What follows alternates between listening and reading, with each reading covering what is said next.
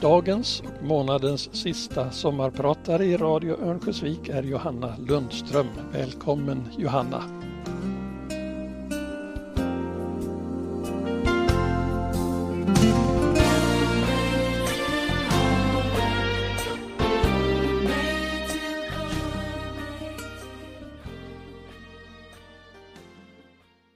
Vi måste alltid komma ihåg att känna till det vi ogillar det är ett citat av Julia Lavimäki, en av mina elever från det gångna läsåret.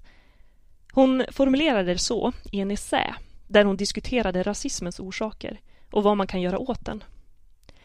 Hon skrev att det vi uppfattar som något okänt, det föder rädsla hos oss och det som gör oss otrygga, det ogillar vi. Och jag tror verkligen att Julia är något på spåret när hon identifierar rädsla som en av de rötter som håller liv i främlingsfientlighet, rasism och människans allmänna tendens att hålla ett avstånd till den andre. Vår rädsla för det okända och vår ovilja att bli obekväma i en process från att något är okänt till att det har blivit känt. Det är de största hindren som vi har att överkomma på vår väg mot ett samhälle där integration inte bara är ett politiskt begrepp utan ett högst vardaglig handling och ett levande förhållningssätt. Men om vi vill följa Julias uppmaning att lära känna det som gör oss obekväma, då kommer det att krävas att vi först och främst blir medvetna om våra gränser. Geografiska, fysiska gränser och sociala och mentala gränser. Steg två är sen att vi vågar utmana dem. Johanna Lundström heter jag och jag är gymnasielärare och ungdomsledare och det är gränsövergångar och bekvämlighetszoner, mod och rädslor och möten som jag vill tala om den närmaste timmen. Men först, en låt som tack. Till Julia för citatet och till alla mina elever på Örnsköldsviks gymnasium för att ni gör min vardag så mycket mer intressant då jag får följa med er ett litet stycke på er väg genom tillvaron och allt vad det innebär av gränsövergångar och brobyggen. Many tides will come with the moon until you reach the shore, until you reach my shore. Many men will have climbed this mountain until you reach the gold, until you find the gold. Many tides will come with the moon reach the shore, until you reach my shore. And many men will have climbed this mountain until you find the gold, until you reach the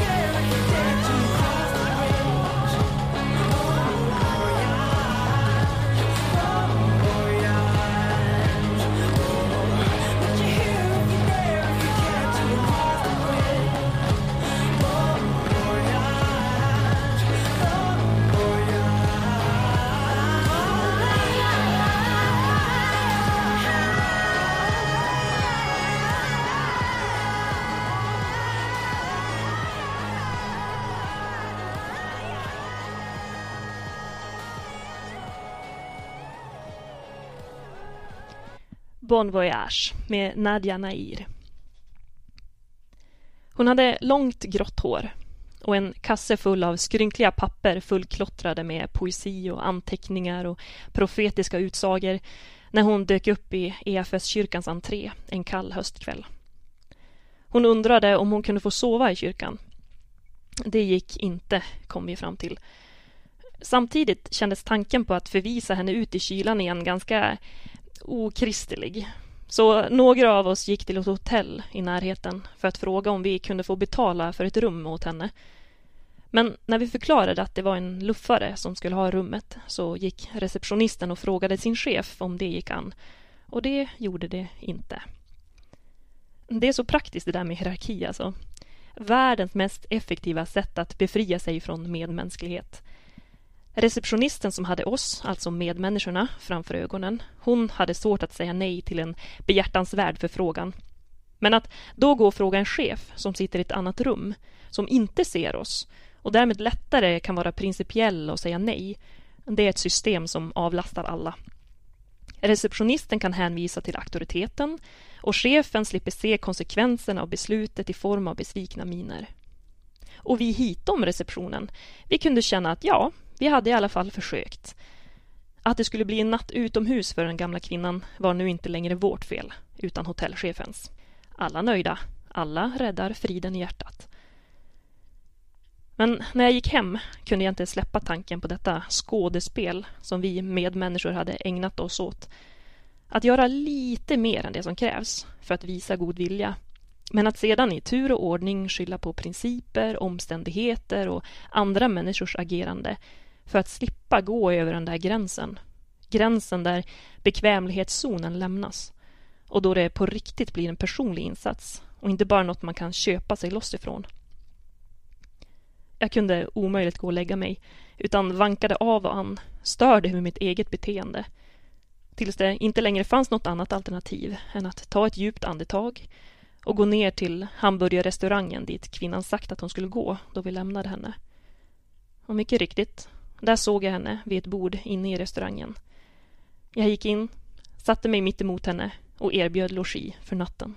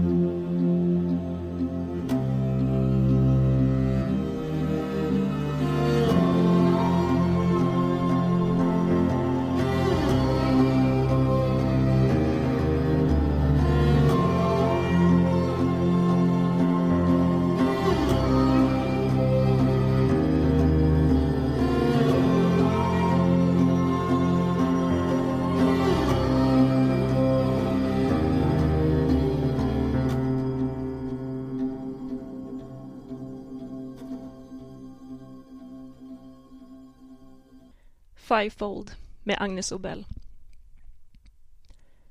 Väl hemma hos mig så samtalade vi länge. Kvinnan menade att hon, sin lätta packning till trots, inte saknade något egentligen eftersom hon hade Gud.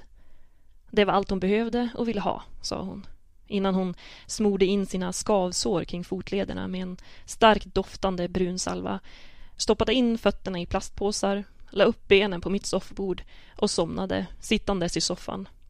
Hon vill inte sova på en madrass på golvet. Sammantaget så gjorde hon ett starkt intryck på mig. Jag gillade henne. Ändå måste jag erkänna att jag inte sov mycket den natten. Vid den tiden bodde jag i en minimal etta med sovalkov, så jag hade ingen dörr att stänga om mig. Och varje rörelse som kvinnan gjorde under natten fick mig att sprätta till och besinna att människor som luffar runt utan något hem kanske gör det för att de inte är helt stabila. Tänk om hon skulle få någon form av frispel om hon vaknade. Det blev en lång natt. Och där i gryningsljuset så tänkte jag att det här, det kan jag aldrig berätta för någon. Att jag betett mig så oansvarigt åt. För en av mina rädslor som sätter käppar i hjulet, det är just rädslan för vad människor ska tycka. Jag är ständigt orolig över att göra människor besvikna eller trampa någon på tårna.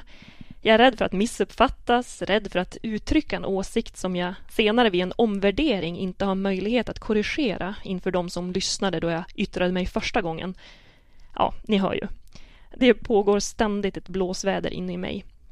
Vilket gör det betydligt svårare att våga det där klivet över den trygga relingen för att försöka gå på vattnet. Jag bryr mig lite för mycket om den ansiktslösa massans åsikter. Tycker folk att jag är överdriven? Hur mycket pengar kan man ge bort utan att verka naiv? Hur personligt engagerad kan man bli i sina elever utan att verka oprofessionell? Och om man låter en uteliggare sova på soffan hemma hos sig, framstår man då som rent ut sagt dum? Som om jag inte förstod bättre än att försöka gå på ytspänning. Men allt gick bra. Morgonen kom och min gäst och jag packade ihop oss och vi följdes åt ner på stan. Så gick jag till mitt jobb och hon gick mot gågatan till. Jag har faktiskt aldrig sett henne sedan dess. Och vem vet, hon kanske redan har gått före för att möta sin och min herre. I så fall så får hon välkomna mig in i sitt hem den dagen som jag kommer efter.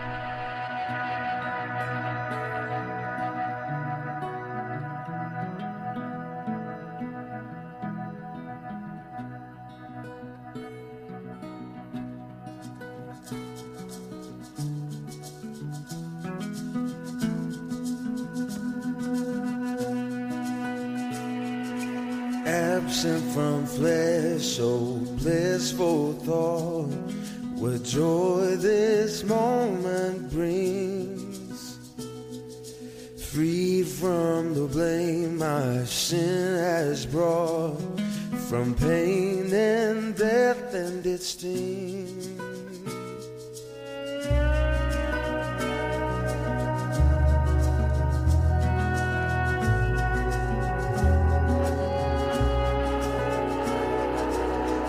Absent from flesh, oh glorious day, in one triumphant stroke.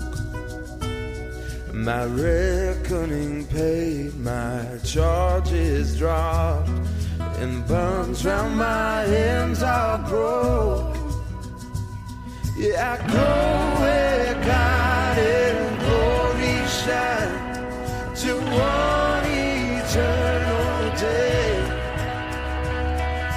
has.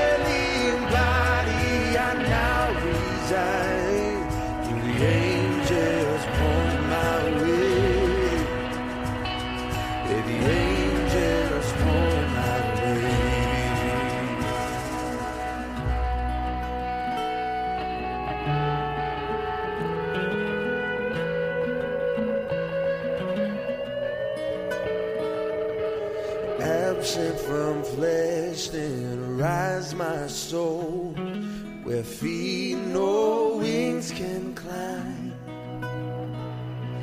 Beyond the sky, where planets roll, and beyond all keep of time.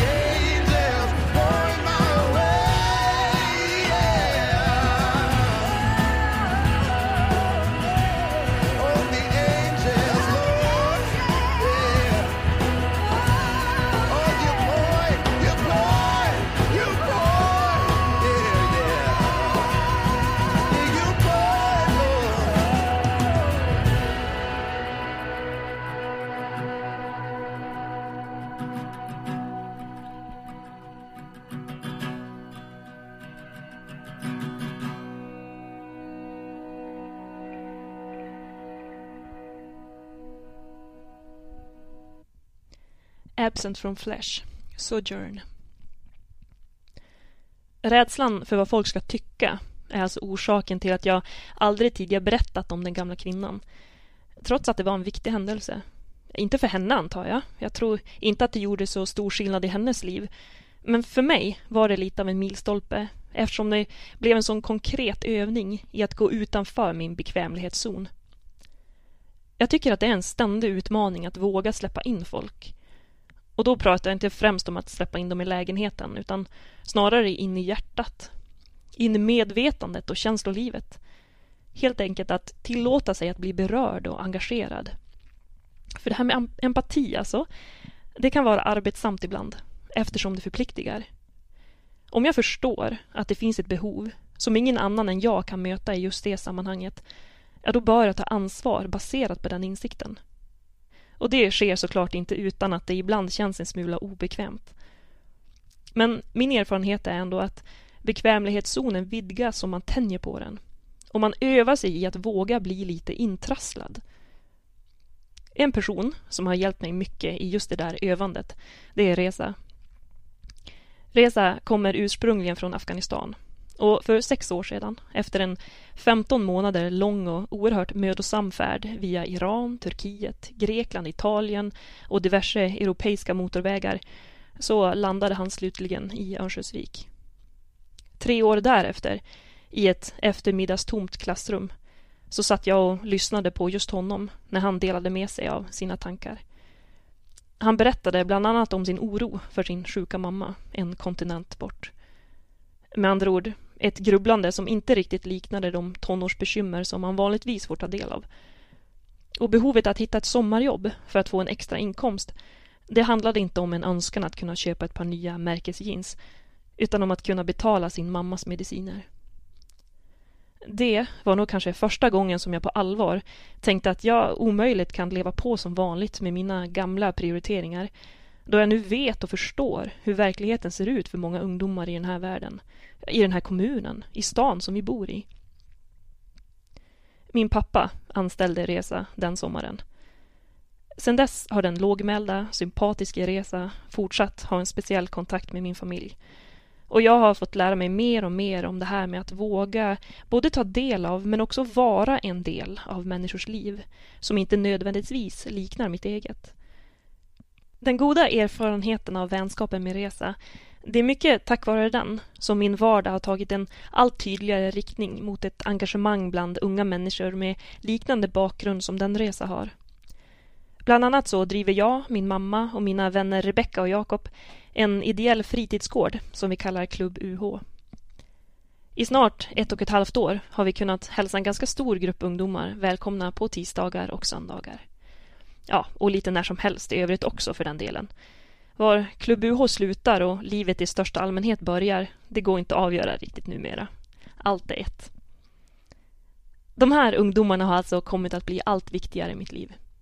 Och att få tillbringa tid tillsammans med alla dessa smarta, roliga och på tusen olika sätt fantastiska ungdomar, det är något av det bästa jag vet. Många samtal har det blivit, skratt och ny kunskap. Och jag har visats förtroendet att få ta del av såväl glädjeämnen som sorger. Livsberättelser. Det är oerhört dyrbart för mig. Det påverkar mig mycket på så vis att jag fått en, vad ska man säga, mer medveten syn på vårt samhälle. Både det lokala samhället här i Örnsköldsvik och det globala som vi vare sig vi vill det eller inte såklart är en del av. Så, kära ungdomar. Jag är djupt tacksam för alla sprickor som jag fått i min världsbild tack vare er. Ni har hjälpt mig att öppna ögonen för att på allvar se vilken typ av värld vi lever i. Ni är med och formar om hjärtat på mig till ett som inte riktigt längre är så som det förut var.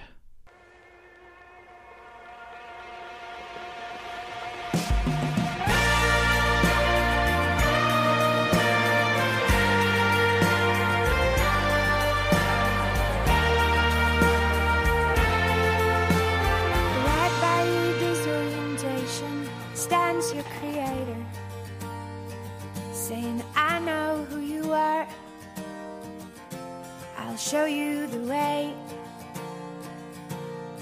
And in the midst of your heartache stands your savior. I am the potter, he says, and you are the clay. So let me shape you, form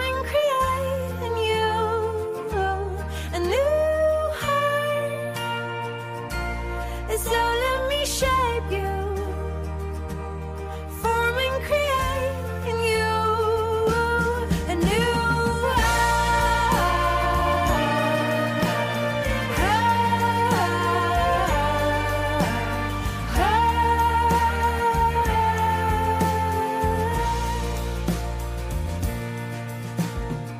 She's been anxious forever. She's been crying for days. She's been waiting for you to take it away. And you tell her you love her, but the questions won't go. Then at midnight you whisper, I will make you whole. If you let me shape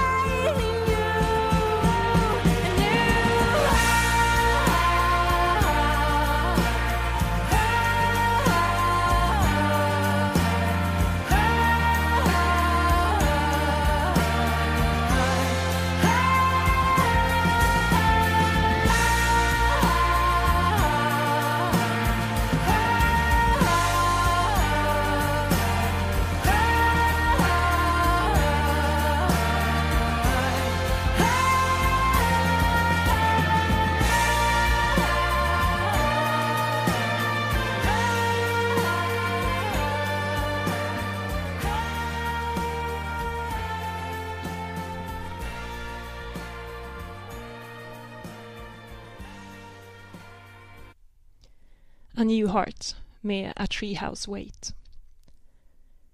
Den värld vi lever i, det är en värld där människor, alla dessa fantastiska människor, tvingas anpassa sig efter så enormt skilda förutsättningar. Ett tillfälle då detta faktum återigen blev så tydligt för mig, det var en torsdag eftermiddag i mitten på juni, då vi hade avslutning på någonting som kallas Mötesplats UH. Det är en grupp ungdomar födda och uppvuxna i såväl Sverige som andra länder som mötts till ett antal samtalskvällar ihop. Leif och Erika, som arbetar på Prisma, boendet här i Örnsköldsvik för ensamkommande ungdomar, de hade arrangerat avslutningskvällen med samarbetsövningar i skogen vid den gamla folkskolan i Björna. Och till saken hör att varje gång jag ser en gammal folkskolebyggnad så slår det alltid ut en mängd associationer inne i mig. Jag tänker på Sverige, på idén om folkhemmet och jag tänker på folkbildning, att utbildning och bildning är grunden i ett demokratiskt samhälle, att kunskap är makt. Jag tänker på Sveriges historia och på vår nutid. På min pappas väg från bondpojk till ingenjör och jag tänker på min egen lärargärning. Jag tänker på unga människors danande. Och just sådana, alltså unga människor i danande, satt runt fikabordet med mig i den gamla lektionssalen i Björna folkskola den där kvällen i juni. Bland annat Mohammed från Somalia, som var i sitt esse. Då, precis som så ofta annars, så lät han sin utläggning ackompanjeras av sitt fröjdiga skratt, som för en annan är nästintill omöjligt att värja sig mot. Trots att det han berättade egentligen var sånt som kan få vem som helst att sätta skrattet i halsen. Han hade inlett med en skildring av hur han vid ett tillfälle tvingats springa från en polis i Grekland. Mohammed har många historier från just Grekland, för han tillbringade ett år där under sin transit. Jag vet exakt, sa han. Jag glömmer det aldrig. Det var jultid när jag kom dit och det var jul när jag äntligen lyckades lämna landet. Sedan förklarade han vidare om hur det funkar i detta Europa som är vårt.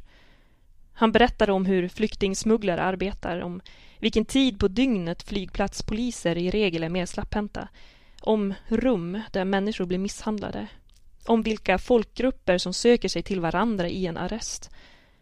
Han förklarade hur rättslöshet ser ut i verkligheten. Mohammed är med andra ord expert på sånt som jag önskar att ingen 17-åring skulle behöva veta någonting om.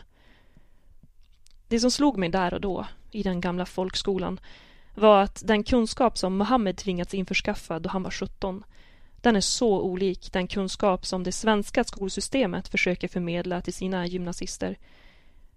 Och Mohammeds erfarenheter av en vuxen värld, av vad ett samhälle kan och bör vara, de är så annorlunda jämfört med de erfarenheter som jag hoppas att som lärare kunna ge till de unga människor jag har kontakt med. Nu är Mohammed en positiv, ansvarstagande och solidarisk person och det är värderingar som han har utvecklat sedan länge. Och det hade han med sig redan då han för första gången satte sin fot i Sverige för drygt fyra år sedan. Men jag önskar att jag, både som lärare och medmänniska, ändå skulle få äran att bidra till Mohammeds fortsatta bildning genom att erbjuda de kunskaper och erfarenheter som finns tillgängliga här i det svenska samhället. Det är det minsta jag kan göra som tack för att han, först genom sin driftighet och sitt mod, inhämtat så mycket kunskap och färdigheter under sin resa i den här världen och att han sen, genom sin frimodighet och generositet, undervisar mig om just densamma. Och det på ett sätt som mina samhällskunskapslärare aldrig kunnat göra tidigare.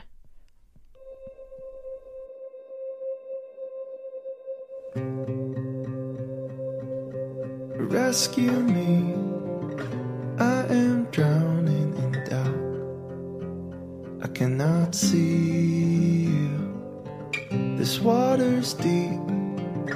I've been treading too long. And now I'm sinking.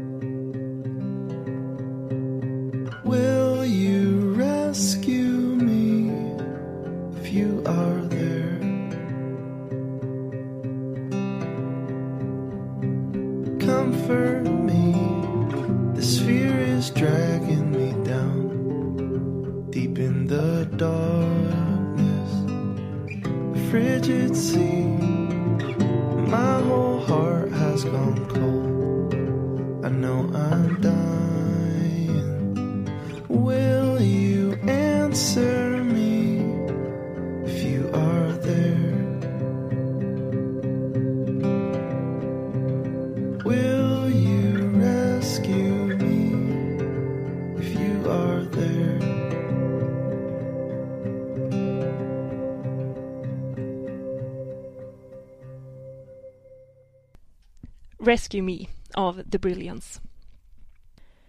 På midsommardagen var jag på kalas hemma hos Mattias och Sofia i Sidensjö. Deras familj är den femte generationen som bor i huset som byggdes på 1890-talet. Och jag satt där i deras stora matsal omgiven av andra, tredje, fjärde, femte generationens Sidensjöbor i sällskapet. Djupa rötter. En plats på jorden, ett arv. En gemenskap som säkert är starkare än man är medveten om. Den är outtalad och omedveten, men en trygghet. För mig också. Jag hävdar gärna min tillhörighet i den myllan eftersom min pappa är uppvuxen i Drömme. Så när jag, min bror och hemmansägaren Mattias satt och pratade jakt så kunde jag signalera min tillhörighet. Jo då, pappa min är jaktledare han och, och Johan och Anna-Karin och jag är kusiner och jodå, jag vet, jag förstår. Jag har också en del av allt detta arv. Och då, precis som så ofta annars, så kommer jag att tänka på mina ungdomar. Jag tänkte på Hussein, som kvällen innan hade varit med på midsommarfirande hemma hos Rebecka och Jakob. Han hade smakat på min inlagda strömming som jag haft med mig. Det här är så enormt svenskt, hade jag sagt till honom och skryt över att jag minsann gjort i ordning den själv. Precis som jag vore min mamma eller mormor. Arv. Rötter. Hussein hade sagt att det smakade gott. Men jag antar att smaken inte hade gett honom några associationer till laminatköksbänkar med Sigfrid Bernadottes virvarmönster eller min mammas karaktäristiska sätt att svälja saliv när hon med stor koncentration tillreder mat i köket. Jag lät blicken vila på stuckaturerna i taket i 1800-talshuset och funderade vidare på vilka associationer som Hussein bär inom sig som i avsaknad av stimuli kanske inte väckts till liv en enda gång sedan han kom till Sverige för två år sedan. Jag är tacksam över att jag kunde sitta där i matsalen i Sidensjö och kunna känna tillhörighet, kunna ana mina rötter. Men jag undrar om Hussein kan få känna den tillhörigheten någonstans nu. Efter det att han lämnat sina rötter i en annan världsdel, i en annan kultur, i ett annat språk, då han lämnade Iran. Ensam. Det här är så enormt svenskt, tänkte jag vidare när jag såg på alla blonda Sidensjöbor kring bordet. Och jag var nära att bli ledsen. För jag tänkte att chansen är så himla liten att någon ensamkommande ungdom från Afghanistan eller Somalia eller Eritrea någonsin kommer att bli inbjuden i det här. Erbjuden en ny tillhörighet, en ny trygghet. Men mitt vemod vändes faktiskt istället till ett hopp, till inspiration i nästa stund då jag fick höra att Mattias föräldrar tidigare varit familjehem åt just ensamkommande ungdomar innan de lämnade över till Mattias och Sofia. Så faktiskt, visade det sig, så var det alltså i det här huset som några av mina allra första elever bodde då det begav sig. Och det glädjer mig enormt Tanken på att Örnsköldsvik inte behöver vara större än så, att världen inte behöver vara större än så, än att våra livslinjer korsas både här och där. Och vi närmar oss en poäng här. Oavsett om du är femte generationens Sidensjöbo eller kanske en patriotisk Domsjöbo eller en gidig och ättad människa djupt rotad i bruksmyllan, ja men då får du vara det. Var glad och stolt över ditt arv. Men Bjud in andra i det. Du behöver inte känna dig hotad eller rubbad av andra människor som inte har samma bakgrund som du. Din livslinje får fortsätta i den riktning som du vill. Men låt den korsas med andra linjer som inte är parallell med din, som inte är likriktad. Då kanske vi kan förhindra att Sverige blir ett land med parallella världar.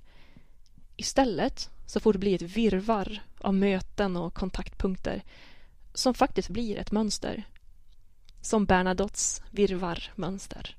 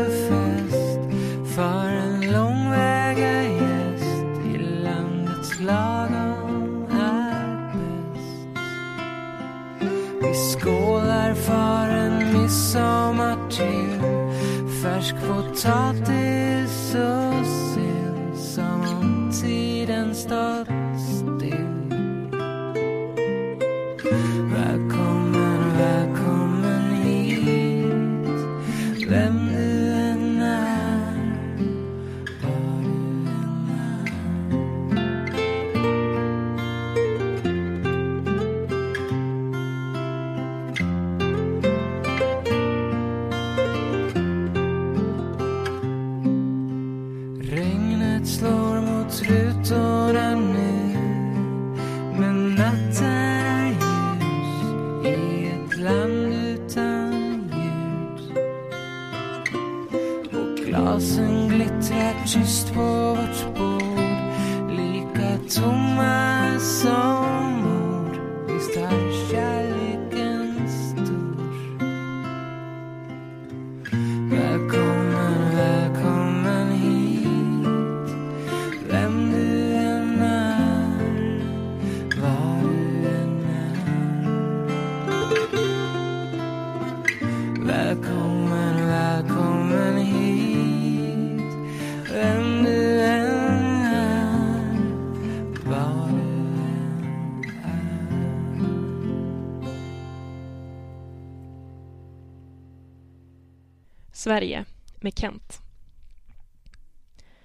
I en modern demokratisk nationalstat så fyller nationalism till viss del en viktig funktion.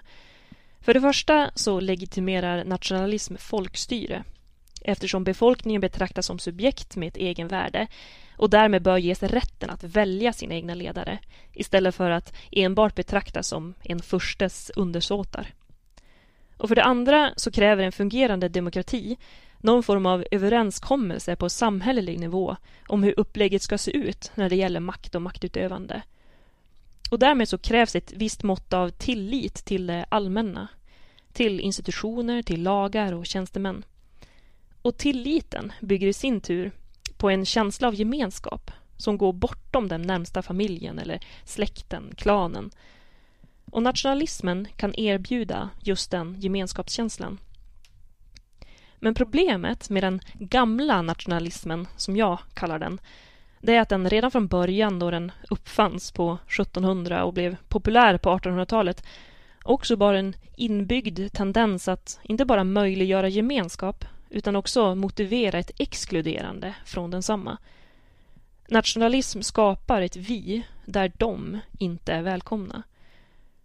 Och Det här beror på att nationalismen till stor del har baserats på en princip som kallas jus sanguinis. Det vill säga idén om att rätten till ett geografiskt område, till landet, beror på blodsrätt, på härkomsten. Alltså att rätten till landet skulle finnas hos ett visst folkslag eller en viss ras eller med ett modernare uttryck hos en viss etnisk grupp. Du föds alltså till din rätt. Alternativt föds utan någon möjlighet att få någon rätt. Och det är den här typen av nationalism som jag menar att det är alarmerande hög tid att göra upp med.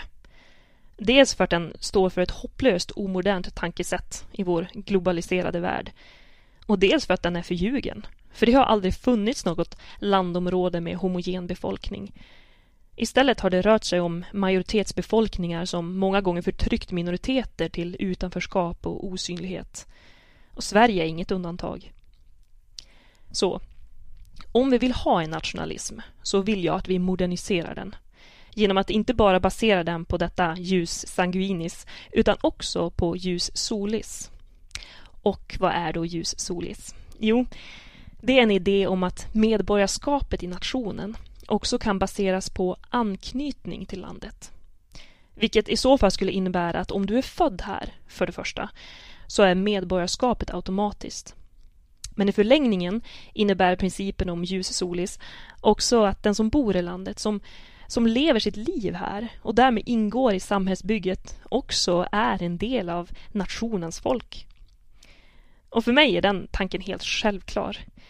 Men jag tror att det fortfarande är en mental resa som en hel del svenskar behöver göra, där blodsrättstanken får luckras upp till förmån för tanken på en gemenskap som är baserad på något större. Att folkets, nationens gemensamma nämnare inte är generna utan den geografiska platsen som vi tillsammans delar och den gemensamma idé som vi har för det här landets uppbyggnad. En idé om solidaritet, jämlikhet, frihet. Jag skulle vilja kalla det en idé om någon form av rättfärdighet.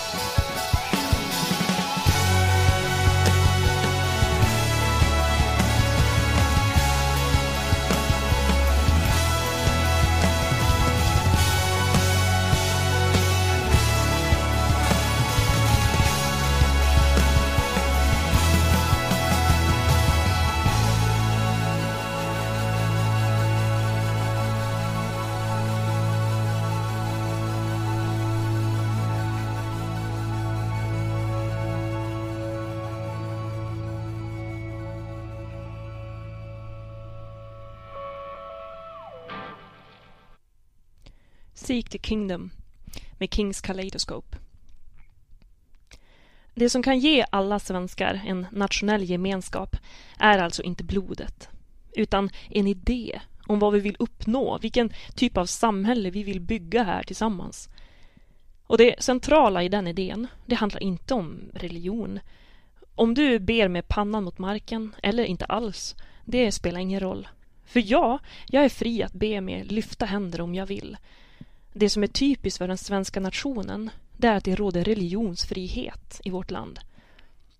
Och det som är typiskt för Sverige, det är inte om du äter surströmming eller kräftor i augusti. Om du firar midsommar med sill eller Id al-Fitr med kabulu. Dina kulinariska preferenser, det spelar ingen roll. För jag får äta blana på jul hur mycket jag vill. Det som är typiskt för Sverige, det är att vi strävar efter att alla ska ha mat på bordet. Och om du talar svenska med somalisk, finsk eller skånsk brytning, det spelar ingen roll. För jag kan tala sidensjömål med mina kusiner om jag vill. Det som är typiskt för Sverige, det är att oavsett med vilken dialekt eller brytning du talar så lyssnar jag på dina argument som du är fri att yttra. Om du vill definiera dig som svensk så är du välkommen att göra det. Oavsett hur länge du haft anknytning till det geografiska område som utgör Sveriges territorium. Det kvittar hur många generationer innan dig som bott här. Vem som helst kan ansluta sig till det fortsatta bygget av den svenska nationen. Där vi alla kommer från olika håll och kanter, olika kultur och bakgrund. Men vi sammanstrålar kring det gemensamma strävan mot ett samhälle som är präglat av solidaritet, rättssäkerhet, jämlikhet och frihet. Alltså det finns så mycket mer jag skulle vilja säga om det här. Om nationalism, om integrationsfrågor och livsfrågor och allt möjligt. Men en timme är inte hur långt som helst. Så jag får hänvisa ivriga lyssnare till min blogg. Viktigt på riktigt heter den. Du kan göra en sökning på nätet bara så hittar du den säkert. Men den poäng som jag vill få fram här och nu det är att det här landet som vi alla är en del av och som jag i alla fall älskar och tror så mycket på det blir så mycket starkare om vi fattar att oavsett historia, bakgrund och personlighet så kan vi ha gemenskap med varandra. För i slutändan så är vi alla kött och blod. På riktigt. Du, precis som jag.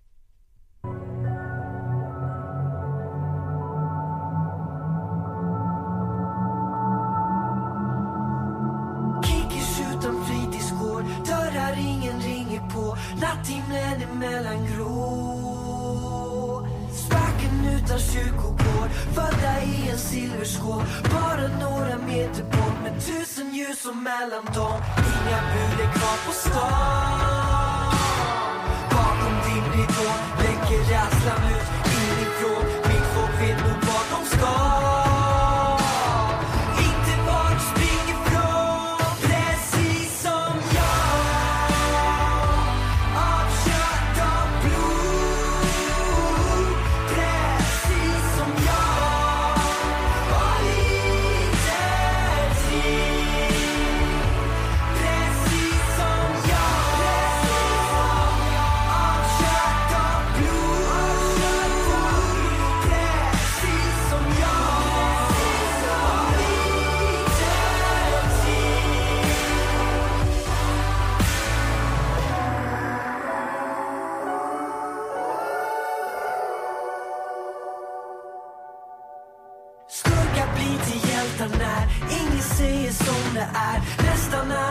Sig fast.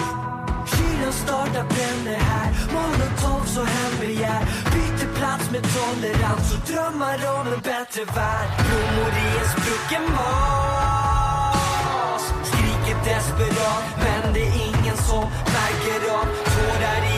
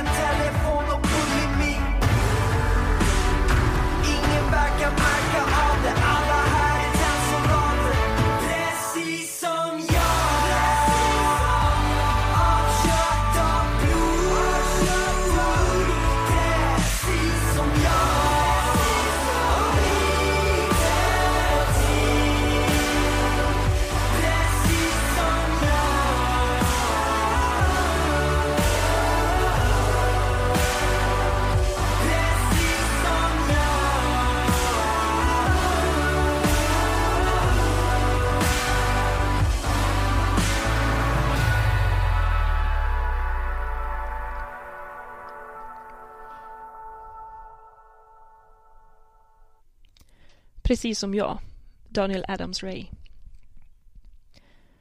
Sverige är alltså en liten yta land som vi har fått att förvalta. En liten del i en stor värld. En värld där initiativrika, driftiga unga människor som vill någonting med sina liv lämnar våld och ett dysfunktionellt samhälle bakom sig för att försöka finna en plats på jorden där man kan börja bygga ett rimligare liv och få vara del av ett rimligare samhälle. Med ett fokus och en styrka som är beundransvärd så tar man sig därför över berg och genom skogar via livsfarliga båtresor över Medelhavet och dagar i en lastbil i ett kylrum med vindruvor och andra migranter, kamrater som kanske inte klarar kylan, för att till sist hamna i ett land som Sverige. Man har nått sitt mål men då är det dags att återigen fokusera om. För att satsa all tid och energi på att försöka bygga upp en ny bas att stå på. Språk, jobb, etablering. Men kanske är man inte förberedd på de oväntade utmaningar som finns i den nya tillvaron. Utmaningar som på ett sätt är minst lika tuffa som grekiskt flyktingförvar och europeisk migrationspolitik. För väl i Sverige kan man uppleva att processen tar tvärstopp. Att man tvingas gå in i en svår mental match mot de egna tankarna och en allt tyngre nedstämdhet. För att tvingas gå från att vara en driftig, kreativ, stark och beslutsam individ till att istället uppleva att man sitter fast i problem som man inte kan påverka, hur driftig man än är, det tär. Språket är svårt att lära sig, utbildningskraven höga, arbetsgivare skeptiska. Och det kanske mest tärande av allt, oron för de som blev kvar. Familjen. Och ansvaret, pressen, stressen, skuldkänslor och ensamheten. Och det är här som du och jag, vi alla kommer in i bilden som privatpersoner. För det finns så mycket gott som samhället ordnar. Boende, skolgång, ekonomisk hjälp, sjukvård. Och det är fantastiskt. Men det finns någonting som det offentliga aldrig kan tillhandahålla. Nämligen en medmänsklig gemenskap. En tillhörighet. Närhet. En kram. Så Öviksbo, om du lever i en parallell verklighet där du aldrig kommer i kontakt med eller aldrig upplever möten med människor med en annan ekonomisk standard eller en annan utbildningsnivå, en annan religion, ett annan politisk övertygelse eller en annan kulturell bakgrund. Ja, då är det dags att göra någonting åt det. Och ju mer privilegierad du är, i desto större utsträckning så ligger ansvaret på dig. Att bjuda in till mötesplatser, att söka upp mötesplatser. Sociala trygghetssystem i all ära, men vi kan inte skapa ett hållbart samhälle om vi inte har mer än det. Personliga relationer är viktigare än all annan integrationspolitik. Men om vi vill korsa gränser så krävs det ibland att vi pressar oss att gå över gränsen lite.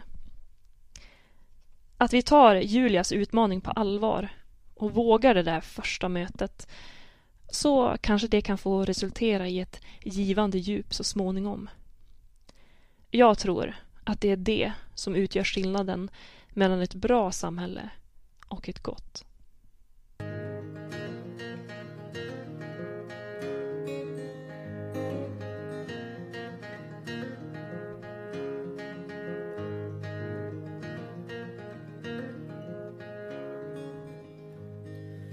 Fear dark, but my love is a lantern shining up like coins in a fountain. Hope is a tree sitting on a mountain where the grass don't grow. There's a sad old sea, but my love is an island, wild and free like the hills in the highlands. It's a breeze that brings me back to dry land where the flowers grow. And love is a baby born. And love is the last unicorn. And love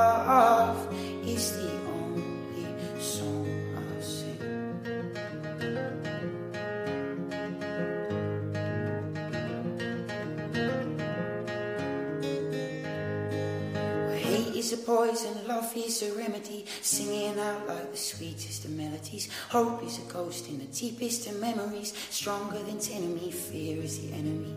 In the dark, and it creeps like a shark in the coldest sea. The deepest part. Hope is the beat in the oldest heart. A hand in a hand in a brand new start. Love is a fireside. War love is the only song I'll sing all night. Love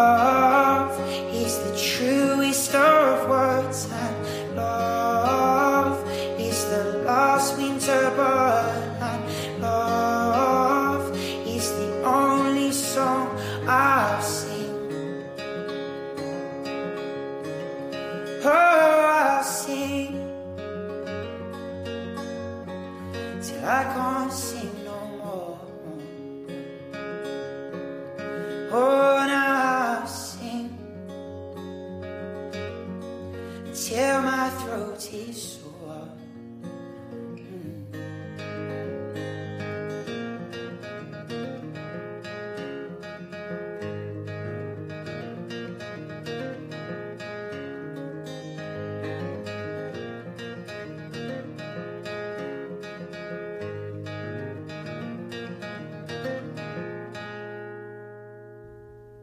Coins in a Fountain av Passenger. Så vill jag till sist bara önska dig som lyssnar en bra sommar. Inte nödvändigtvis en fridfull sådan, utan gärna en lite obekväm och trasslig, om det är det som krävs för en bra sommar full av nya möten.